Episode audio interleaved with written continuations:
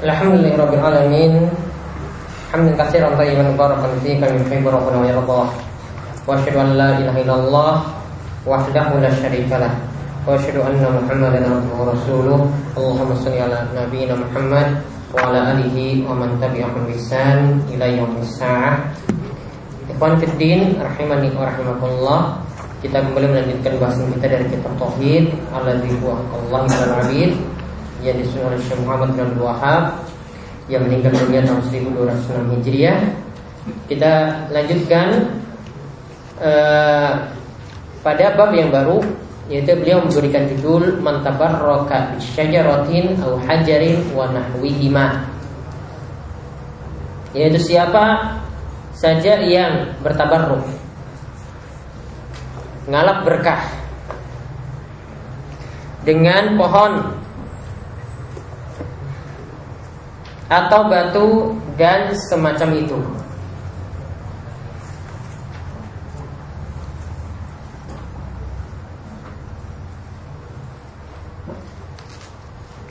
Dan yang dimaksud dengan bab ini adalah beliau ingin memaksudkan bahwasanya tabarruk dengan pohon atau batu di sini termasuk syirik. Ya, jadi beliau ingin maksudkan tabaruk dengan batu dan pohon di sini termasuk syirik. Dan di sini kata nahwi hima di sini berarti bukan hanya terbatas untuk batu dan pohon. Kalau ada kuburan, kuburan, ada tanahnya di situ, diambil tanahnya, atau ada nasi tumpeng diarak-arak, kemudian diambil nasinya, bahkan ada kotoran, ya kebu ya diambil disimpan ya termasuk juga di sini.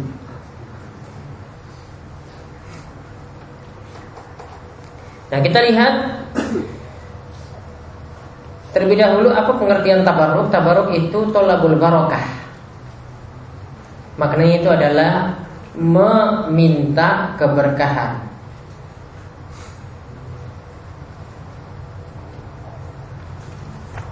Sedangkan barokah itu artinya kasratul khair wadawamuhu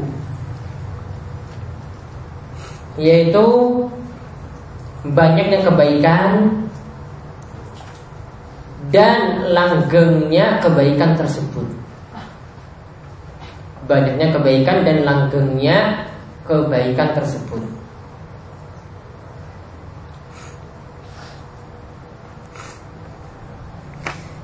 Dan tabaruk di sini kita bisa bagi dua hukumnya.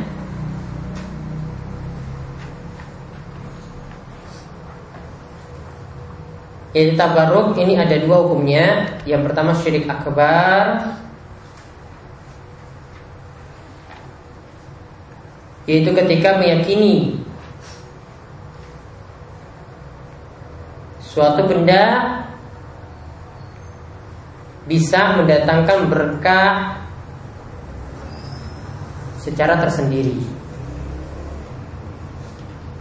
Jadi karena pohonnya, karena batunya, karena kuburannya, karena tanahnya, karena kotorannya tadi, itu yang bawa berkah bukan Allah. Makanya syirik akbar. Karena kebaikan itu e, ke, keberkahan itu datangnya dari Allah. Kalau dikatakan dari selain Allah berarti syirik akbar, syirik dalam rububiyah. Kemudian yang kedua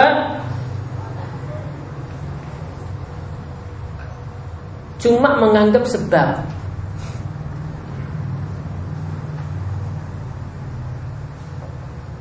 cuma menganggap sebab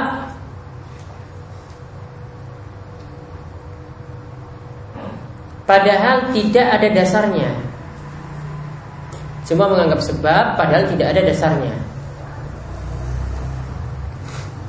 Jadi dia kumpulin tadi kotoran tadi, kumpulin tadi nasi tumpeng tadi, atau pohon tadi diulas-ulas ya, kemudian batu tadi itu diusap-usap, ya. Atau kalau ada yang di Masjidil Haram misalnya nganggap tembok-temboknya itu yang ini bawa berkah, jadi ada yang katakan bahwasanya tiang ini dulu ini Nabi SAW itu Isra Mi'raj dari sini. Ya. Tiang ini ini ya ini di Masjidil Haram ya. Jadi ini orang Pakistan ini protes sama orang Saudi. Orang Pakistan coba ya. Orang Pakistan ini protes sama orang Saudi. Ini tiang ini dulu ini Nabi SAW itu Isra Mi'raj dari tiang ini. Padahal ini baru dibangun sama Malik Abdul ini Malik Abdul Aziz. Dia bilang tiang ini Terus yang polisinya bilang, coba kamu tanya, ini ada kantornya Syekh Sudes di sana. Kamu tanya sama Syekh Sudes. Betul nggak seperti itu? Ini nggak percaya sama polisinya. Tanya sama Syekh Sudes ya di kantornya sana, di maktabnya. Tanya aja. Jadi ada yang anggap dengan tiang-tiang di Masjidil Haram itu dapat berkah. Dalilnya ada nggak? Nggak ada, mengada-ngada. Tidak ada dasarnya. Jadi menyatakan sebab yang bukan sebab Yaitu karena saking histerisnya Karena mungkin baru datang ke Masjidil Haram Jadi lihat Waduh ini Masya Allah ya. Kalau orang Indonesia itu biasanya dikhawatirkan ngambil kain Ka'bahnya. Makanya ketika musim haji, kain Ka'bahnya itu digulung ke atas. ya, kain Ka'bahnya itu digulung ke atas. Wong coba bayangkan, maaf, maaf saja ini wong Sulawesi, Sulawesi Selatan ya. Jadi kebiasaan mereka pokoknya kalau ada sebagian ya, saya nggak katakan semuanya. Pokoknya kalau sampai di tanah haram dapat tukang sapu. Ya, jadi alat pelnya itu pokoknya kamu potong bawa pulang ke negeri. Katanya itu biar dagangannya laris kata Pak Kiainya di kampungnya dulu. Waduh ini bagaimana? Masa kain pelnya itu loh yang berupa tali-tali ya kan? Ada kayak berupa tali kan disuruh potong katanya. Suruh potong bawa pulang lagi ke tanah air. Ada dasarnya atau tidak? Tidak ada.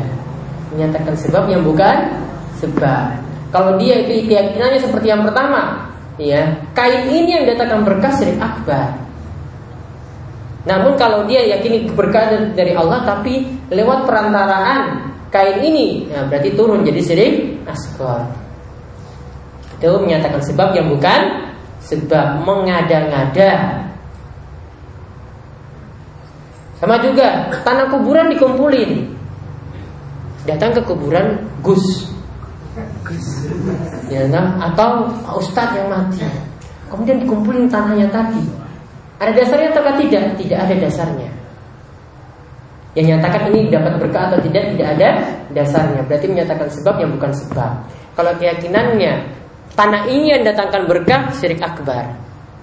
Namun kalau keyakinannya Allah yang datangkan berkah lewat tanah ini. Tapi tidak ada dasarnya, tidak ada tuntunannya, berarti jadi syirik asgar. Dibedakan dua hal tadi.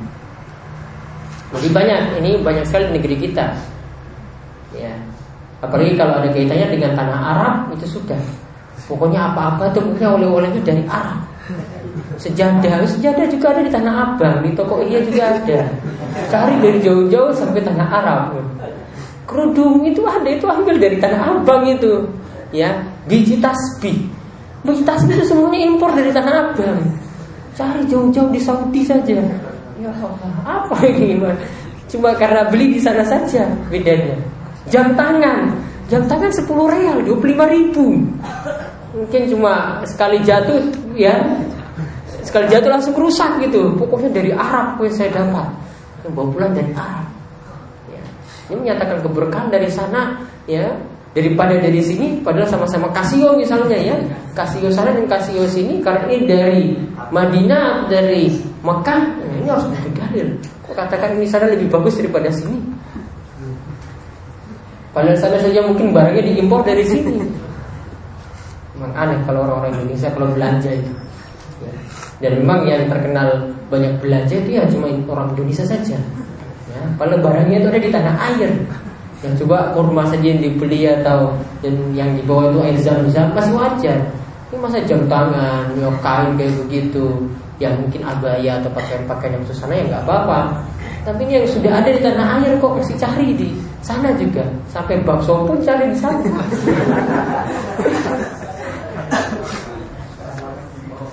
Jadi ada namanya bakso sidul, ya. Harganya tuh uh, kalau nggak salah itu 10 real, 30 ribu. Yang satu mangkok itu pun di sini masih kalah, masih kalah jauhnya satu porsinya. Pokoknya dari tanah tanah Arab. Baik kita lihat beberapa dalil tentang masalah ngalap berkah. Beliau sebutkan cuma dua dalil. Dalil pertama tentang firman Allah Subhanahu wa taala di surat An-Najm ayat 19 sampai 20 dan seterusnya. Beliau cuma memotong lagi sampai ayat ke-20. Allah berfirman, "Afara'aitumul Lata wal Uzza wa Manata tsalitsatal ukhra?" Ya, tahukah kalian tentang Allah wal Uzza dan juga Manat ya? Dan yang dan yang dan Manat yang ketiga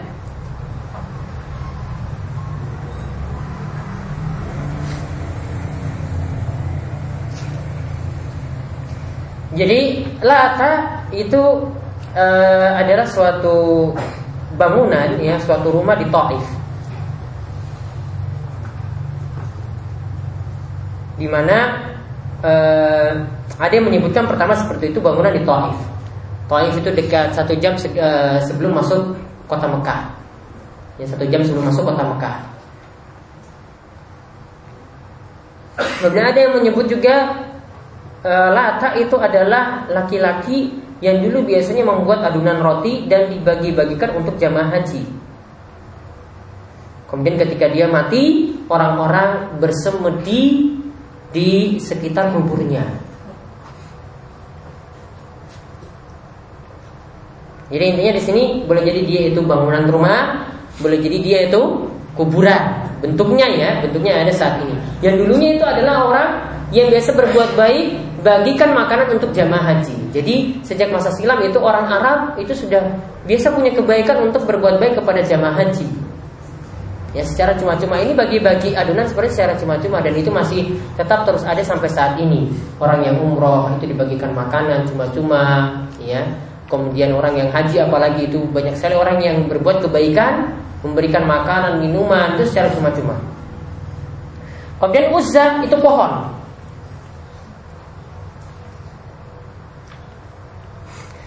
Pohon ini itu ada di antara Mekah dan Taif. Antara Mekah dan Taif.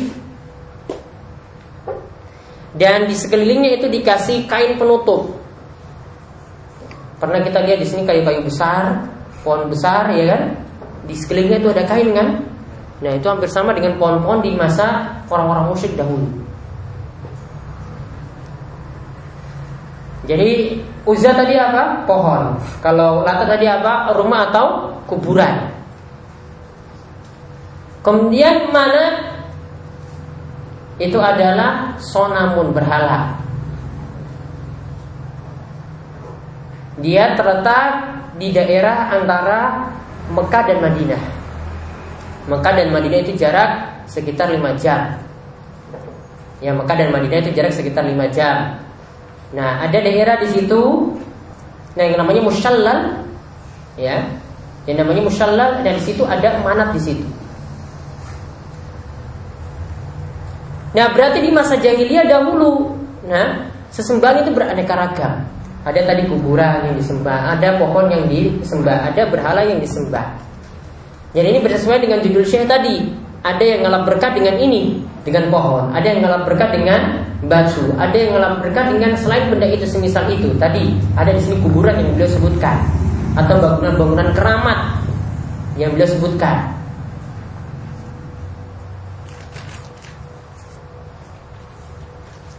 Ya, jadi tabaruk dengan benda-benda tadi itu tidak dibolehkan. Nah, nanti kembali pada dua keyakinan yang sudah disebutkan tadi, dua hukum ngalap berkah tadi. Bisa jadi syirik akbar, bisa jadi syirik asgar. Kemudian hadis yang berikutnya, ini hadis beliau sebutkan riwayat dari Abu Waqid Al-Laitsi. Riwayat ini pernah kita bahas dalam kitab apa?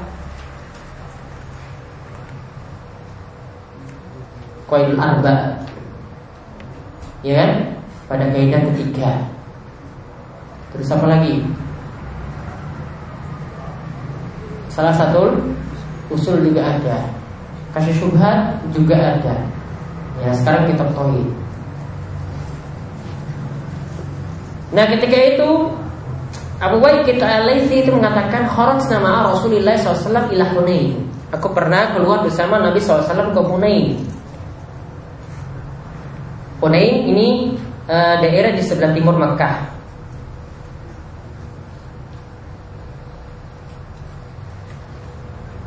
Di situ Rasulullah SAW itu pernah memerangi kabilah Hawazan.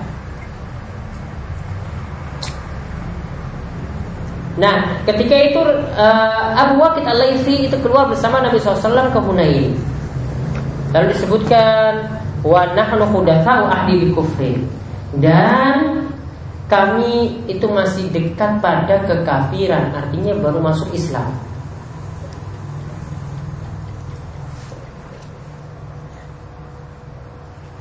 Ya, jadi orang yang baru masuk Islam berarti masih ada asar-asar bekas-bekas kekafiran. Jadi belum sempurna.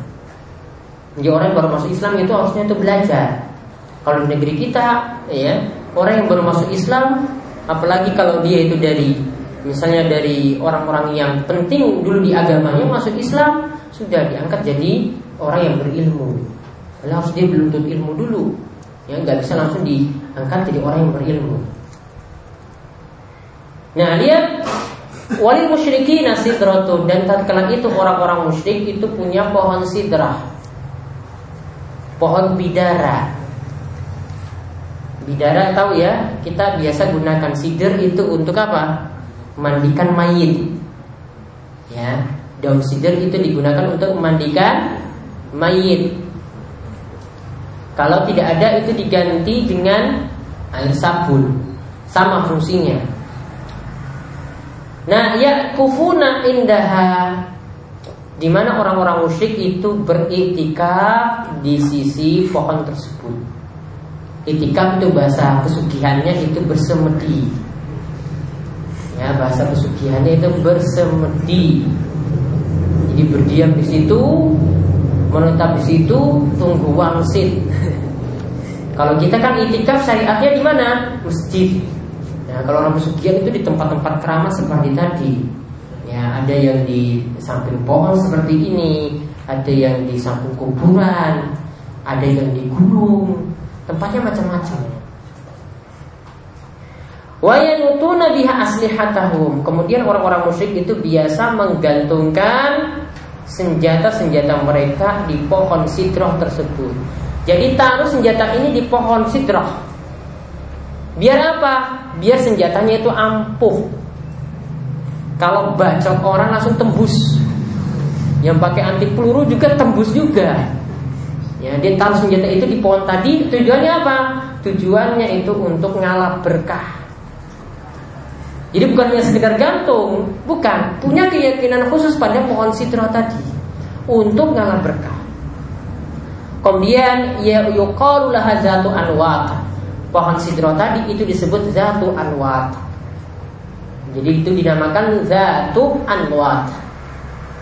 Maka famaror Nabi sidrotin Maka ketika itu kami melewati pohon sidro tersebut.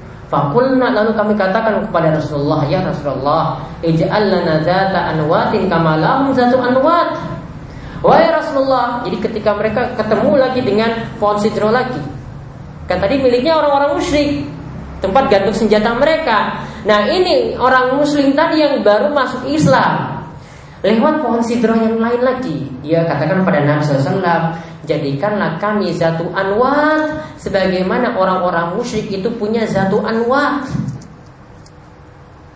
Ya, sebagaimana mereka orang-orang musyrik itu punya zatu anwat, ingin niru-niru.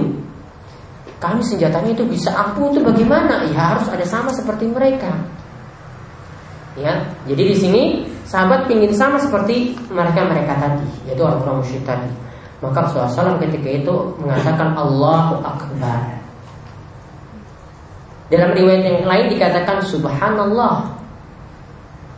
Dua kalimat ini sama-sama menunjukkan kalimat keheranan atau takjub.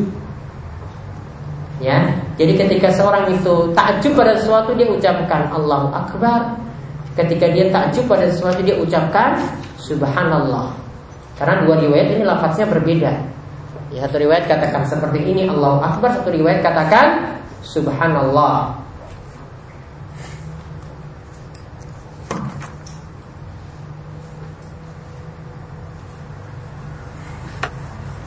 Jadi maksud ucapan Allahu Akbar dan Subhanallah di situ maksudnya adalah untuk mengagungkan Allah. Allah tidak boleh disebutkan dengan benda semacam itu. Berkah itu dari Allah.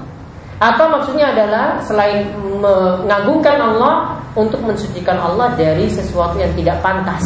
Kok Allah disebutkan dengan makhluk? Untuk membersihkannya diucapkan subhanallah.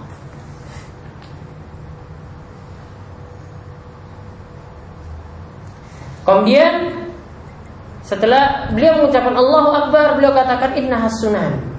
Ini adalah jalan-jalan orang sebelum kita. Sunan di sini maksudnya adalah turuk, jalan, torik, jalan. Ini adalah jalan-jalan yang ditempuh oleh orang-orang sebelum kita. Ngalap berkah seperti ini dari pohon itu adalah jalan dari orang-orang sebelum kita. Kultum Ya kemudian kalian katakan waladhi nafsi biadi kama qalat banu Israel li Musa kalian itu telah mengatakan ya demi yang jiwaku itu berada di tangannya sebagaimana. Ya Bani Israel itu pernah, mengatakan kepada Nabi Musa permintaannya sama. Lana ilahan kama lahum alihah Jadikanlah kami sesembahan sebagaimana mereka juga punya sesembahan. Jadikanlah kami itu ilah patung sebagaimana mereka itu juga punya patung. Kalau innakum qaumun tajhalun lalu Nabi Musa itu mengatakan, ya sesungguhnya kalian itu adalah kaum yang bodoh. Sesungguhnya kalian itu adalah kaum yang bodoh. Nah, ini yang disebutkan dalam surat Al-A'raf ayat 138.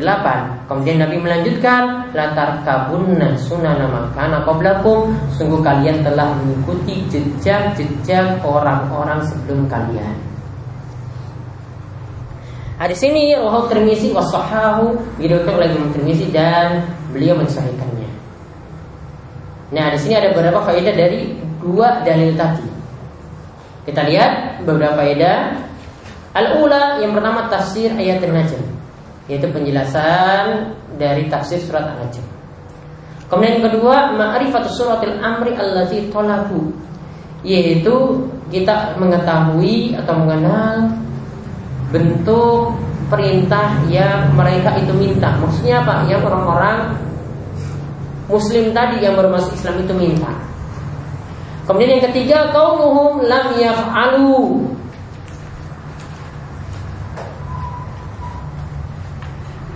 Bahwasanya orang-orang muslim itu arti akhirnya lam yang alu tidak jadi melakukannya. Mereka meminta tapi tidak jadi melakukan apa tadi? Yaitu minta dijadikan jatuh anwar tadi itu tidak jadi karena Nabi SAW sudah marah sudah mengingatkan. Kemudian yang keempat, kaunuhum qasadu taqarrab ilallahi bizalik li dhannihim annahu yuhibbuhu. Tadi orang-orang muslim yang baru masuk Islam tadi ingin meminta pohon juga jatuh anwar tadi, ini tujuannya adalah untuk mendekatkan diri pada Allah. Karena menurut keyakinan orang-orang ini yang baru masuk Islam, Allah itu cinta dengan hal seperti itu. Padahal Allah tidak ridhoi karena Nabi SAW sudah tidak setujui. Kemudian yang khamisah yang kelima, anahum iza jahilu hadza fa ghairuhum aula bil jahli. Lihat kata Syekh. Ini orang-orang yang berada di sisi Nabi SAW tidak mengetahui hal ini tidak tahu kalau ngalap berkah dari pohon seperti itu syirik. Maka kata Syekh, "Faghairuhum aula bil jahli." Maka orang yang selain mereka, selain para sahabat tentu lebih tidak tahu. Orang yang dekat dengan Nabi saya tidak tahu kalau itu syirik, apalagi orang-orang yang jauh dari Nabi SAW. Maka perlu belajar. Kemudian yang keenam, Ana lahum minal hasanati wal wa'di bil maghfirah ma laysa li Ingat sahabat-sahabat tadi yang minta pohon jatuh anwar. Ya dikatakan oleh Syekh mereka itu punya kebaikan. Dan dijanjikan ampunan. Yang orang-orang selain sahabat itu tidak mendapatkannya. Jika mereka punya keutamaan seperti ini saya masih tidak tahu kalau itu syirik, apalagi orang-orang yang lain, maka perlu kita tuh pelajari syirik itu secara detail, secara rinci, bukan hanya secara global, bukan hanya dari kulit-kulitnya saja. Kemudian yang ketujuh, ada Nabi SAW lam ya'zurhum Nabi SAW tetap tidak memberi uzur kepada mereka bal radda alaihim biqaulihi. Namun beliau itu membantah mereka dengan mengatakan Allahu akbar inna hasunan la tattabi'unna sunana man kana qablakum. Allahu akbar ini adalah jalan-jalan orang sebelum kalian. Kalian sungguh telah mengikuti jalan-jalan orang sebelum kalian. Faghalladul amra bihadhihi salatah maka semakin kuatlah uzur tersebut dengan tiga kalimat ini ya semakin kuatlah bahwa Nabi tidak memberikan uzur dengan tiga kalimat ini. Kemudian asaminah yang kedelapan al-amrul kabir wa huwa al-maqsud annahu akbaru anna talabahum ka talabi bani Israil. Bahwasanya masih dari hadis Abu Waqid Al-Laitsi bahwasanya perkara ini adalah perkara besar.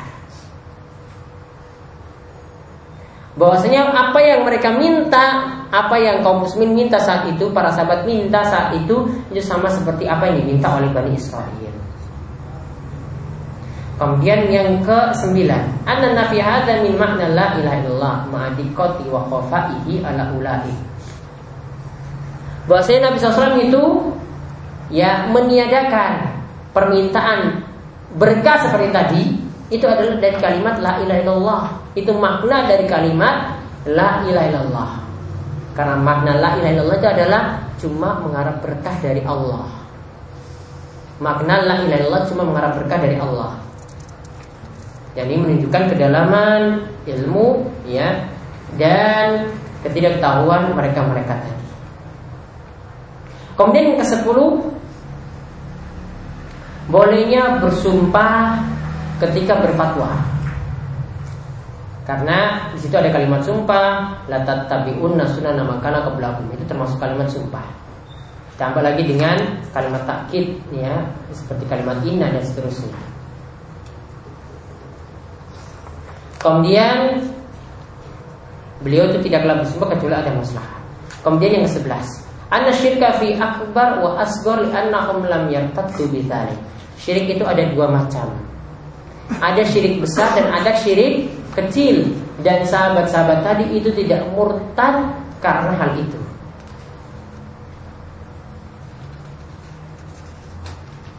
Yang dapat kita pahami berarti kalau tidak murtad berarti apa yang diminta mereka itu syirik asgar karena apa keyakinannya Allah yang mendatangkan berkat tetapi lewat jatuh anwat yang mereka minta. Keyakinannya tetap Allah yang dapat datangkan keberkahan. Jadi bukan syirik akbar di sini.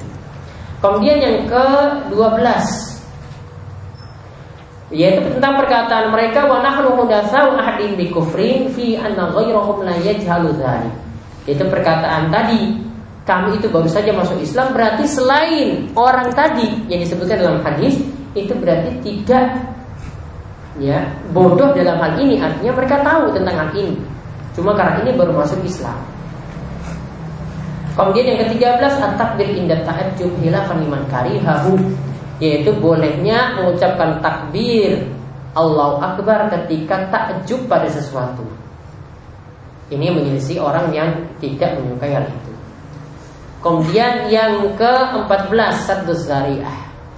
Satu zara'i yaitu Nabi SAW itu menutup jalan supaya mereka tidak sampai menyembah pohon tadi.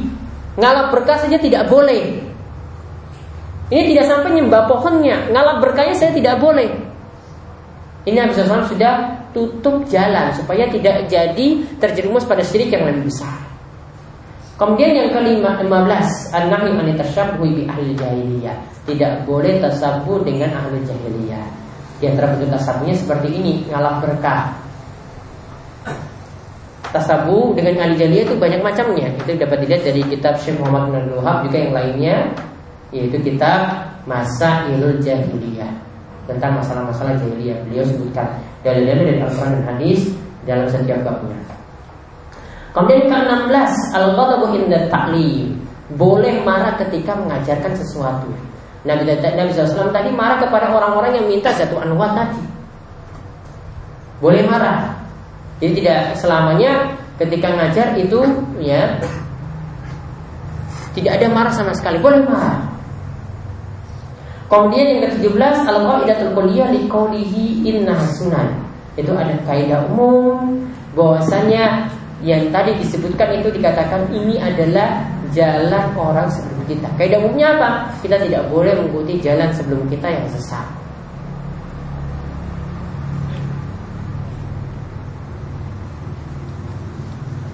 Asamina asyara yang yang ke-18 anna hadza alamun min a'lamin nubuwah. Bahwasanya apa yang disebutkan tadi itu merupakan tanda kenabian karena apa yang diminta tadi ya yaitu di sini maksudnya pada Nabi Musa tadi itu terjadi juga pada umatnya. Karena Nabi SAW katakan inna hasunan ya kalian itu telah mengikuti jalan-jalan sebelum kalian. Artinya Musa, Nabi Musa dahulu dan umatnya itu terjadi seperti itu, umat Islam mengikutinya lagi, mengikuti jalan sebelum sebelum mereka dan orang-orang sudah juga mengikuti jalan-jalan sebelum mereka. Kemudian ke-19 annakula mazamallahu bihil yahud wa nasara fil Quran annahu lana. Bahwasanya setiap celaan, ya, setiap celaan untuk orang Yahudi dan Nasrani ya, setiap celaan Allah untuk Yahudi dan Nasrani itu adalah celaan untuk kita juga. Jadi kalau kita punya sifat yang sama, maka kita juga akan tercela. Maka setiap kita baca Al-Fatihah juga berlindung dari sifat ya makdub alaihi waladhdallin. Itu karena itu jadi sifat orang Yahudi dan Nasrani. Mereka beramal tanpa ilmu atau mereka itu berilmu tapi tidak mau beramal. Kalau kita punya sifat seperti itu maka kita juga akan tercela. Yang ke-20 Anahu mutakar mutakarrirun indahum annal ibadat mabna al amar. Bahwasanya dapat ditetapkan di sini ibadah itu dibangun di atas perintah. Ya karena apa? Karena tadi mereka boleh ngalap berkah itu kalau ada perintah Nabi. Kalau Nabi larang maka tidak boleh. Yang ada perintah misalnya ngalap berkah dengan air zam-zam. Ya, kalau berkah dengan misalnya Nabi SAW melakukan dengan air hujan. Ya, atau kalau berkah dengan benda-benda yang lainnya yang ada dalilnya itu boleh. Kalau beliau singgung Fasara fiha at-tanbi ala masail qabri amma man rabbu fawadih. Am wa amma man nabiyyu famin ikhbari bi anba'il ghaib. Wa amma ma dinu famin qawli ij'al lana ilahan ila akhirih. Maka hadis ini kata beliau kata Syekh ini jadi penegasan tentang tiga pertanyaan kubur. Karena di dalamnya disinggung tentang Allah. Maka ada pertanyaan kubur man robbu. Siapa robbu? Kemudian ini jelas ya. Wa amma man nabiyu yaitu pertanyaan pertanyaan kubur yang kedua, siapa nabimu? Ini dapat kita ambil Sisi pendalilannya dari hadis yaitu ketika Nabi SAW mengabarkan tentang perkara goib bahwa umatnya itu akan mengikuti jejak umat sebelumnya. Ini berarti tanda nubuah Nabi SAW Dia mengatakan demikian dan itu benar-benar terjadi. Umatnya mengikuti jejak sebelumnya. Mengikuti jejak orang-orang sebelumnya. Jadi ini tanda nubuah Nabi Dan ini jadi menjadi dalil bahwasanya dikubur ya, ya Tentang hal ini itu ditanyakan Kemudian yang ketiga, wa amma madinu, ya juga nanti dikubur ditanyakan madinu apa agamamu? Itu si pendalilannya. Ya. Itu dari perkataan ij'al ilaha dan seterusnya. Karena itu bicarakan tentang masalah din. Kemudian yang ke-21, anna sunnah ahli kitab masmumun ka sunnatil musyrikin. Bahwasanya ajaran ahli kitab itu tercela, dicela sebagaimana ajarannya orang musyrik. Kemudian yang terakhir ke 22 Annal muntakila minal batil alladhi iktadahu qal qalbuhu la ya'man ayakuna fi qalbihi baqiyatun min kal ada. Liqaulihi nahnu mudasaahil kufr. Yaitu tadi mereka orang muslim yang tadi baru masuk Islam tadi mereka berpindah dari kebatilan yang di mana kebatilan ini jadi kebiasaan mereka di dalam hatinya sebelumnya. Maka itu tetap ya tidaklah aman. Dalam hatinya tetap masih ada bekas-bekasnya dalam kebiasaan mereka selanjutnya. Jadi mereka kan baru masuk Islam. Minta seperti itu juga masih ada. Minta pohon seperti itu tuh kalau berkah masih ada. Maka disebutkan dalam hadis wa nahnu kufri. Kami ini baru saja masuk Islam Nah itulah yang yang kita bahas kali ini Tentang ngalap berkah pada pohon Batu atau semacamnya. Insyaallah pada pertemuan berikutnya Kita akan lanjutkan dengan Pembahasan Zabah Liqailillah ya, Tentang sembelihan kepada selain Allah. Dan bab selanjutnya Untuk kajian fikir ya, karena saya keperluan untuk malam ini tidak ada kalau pada pertemuan berikutnya. Insyaallah kami akan adakan ya, kami cepat sekian Subhanallah wa bihamdika asyhadu an la ilaha alaihi wa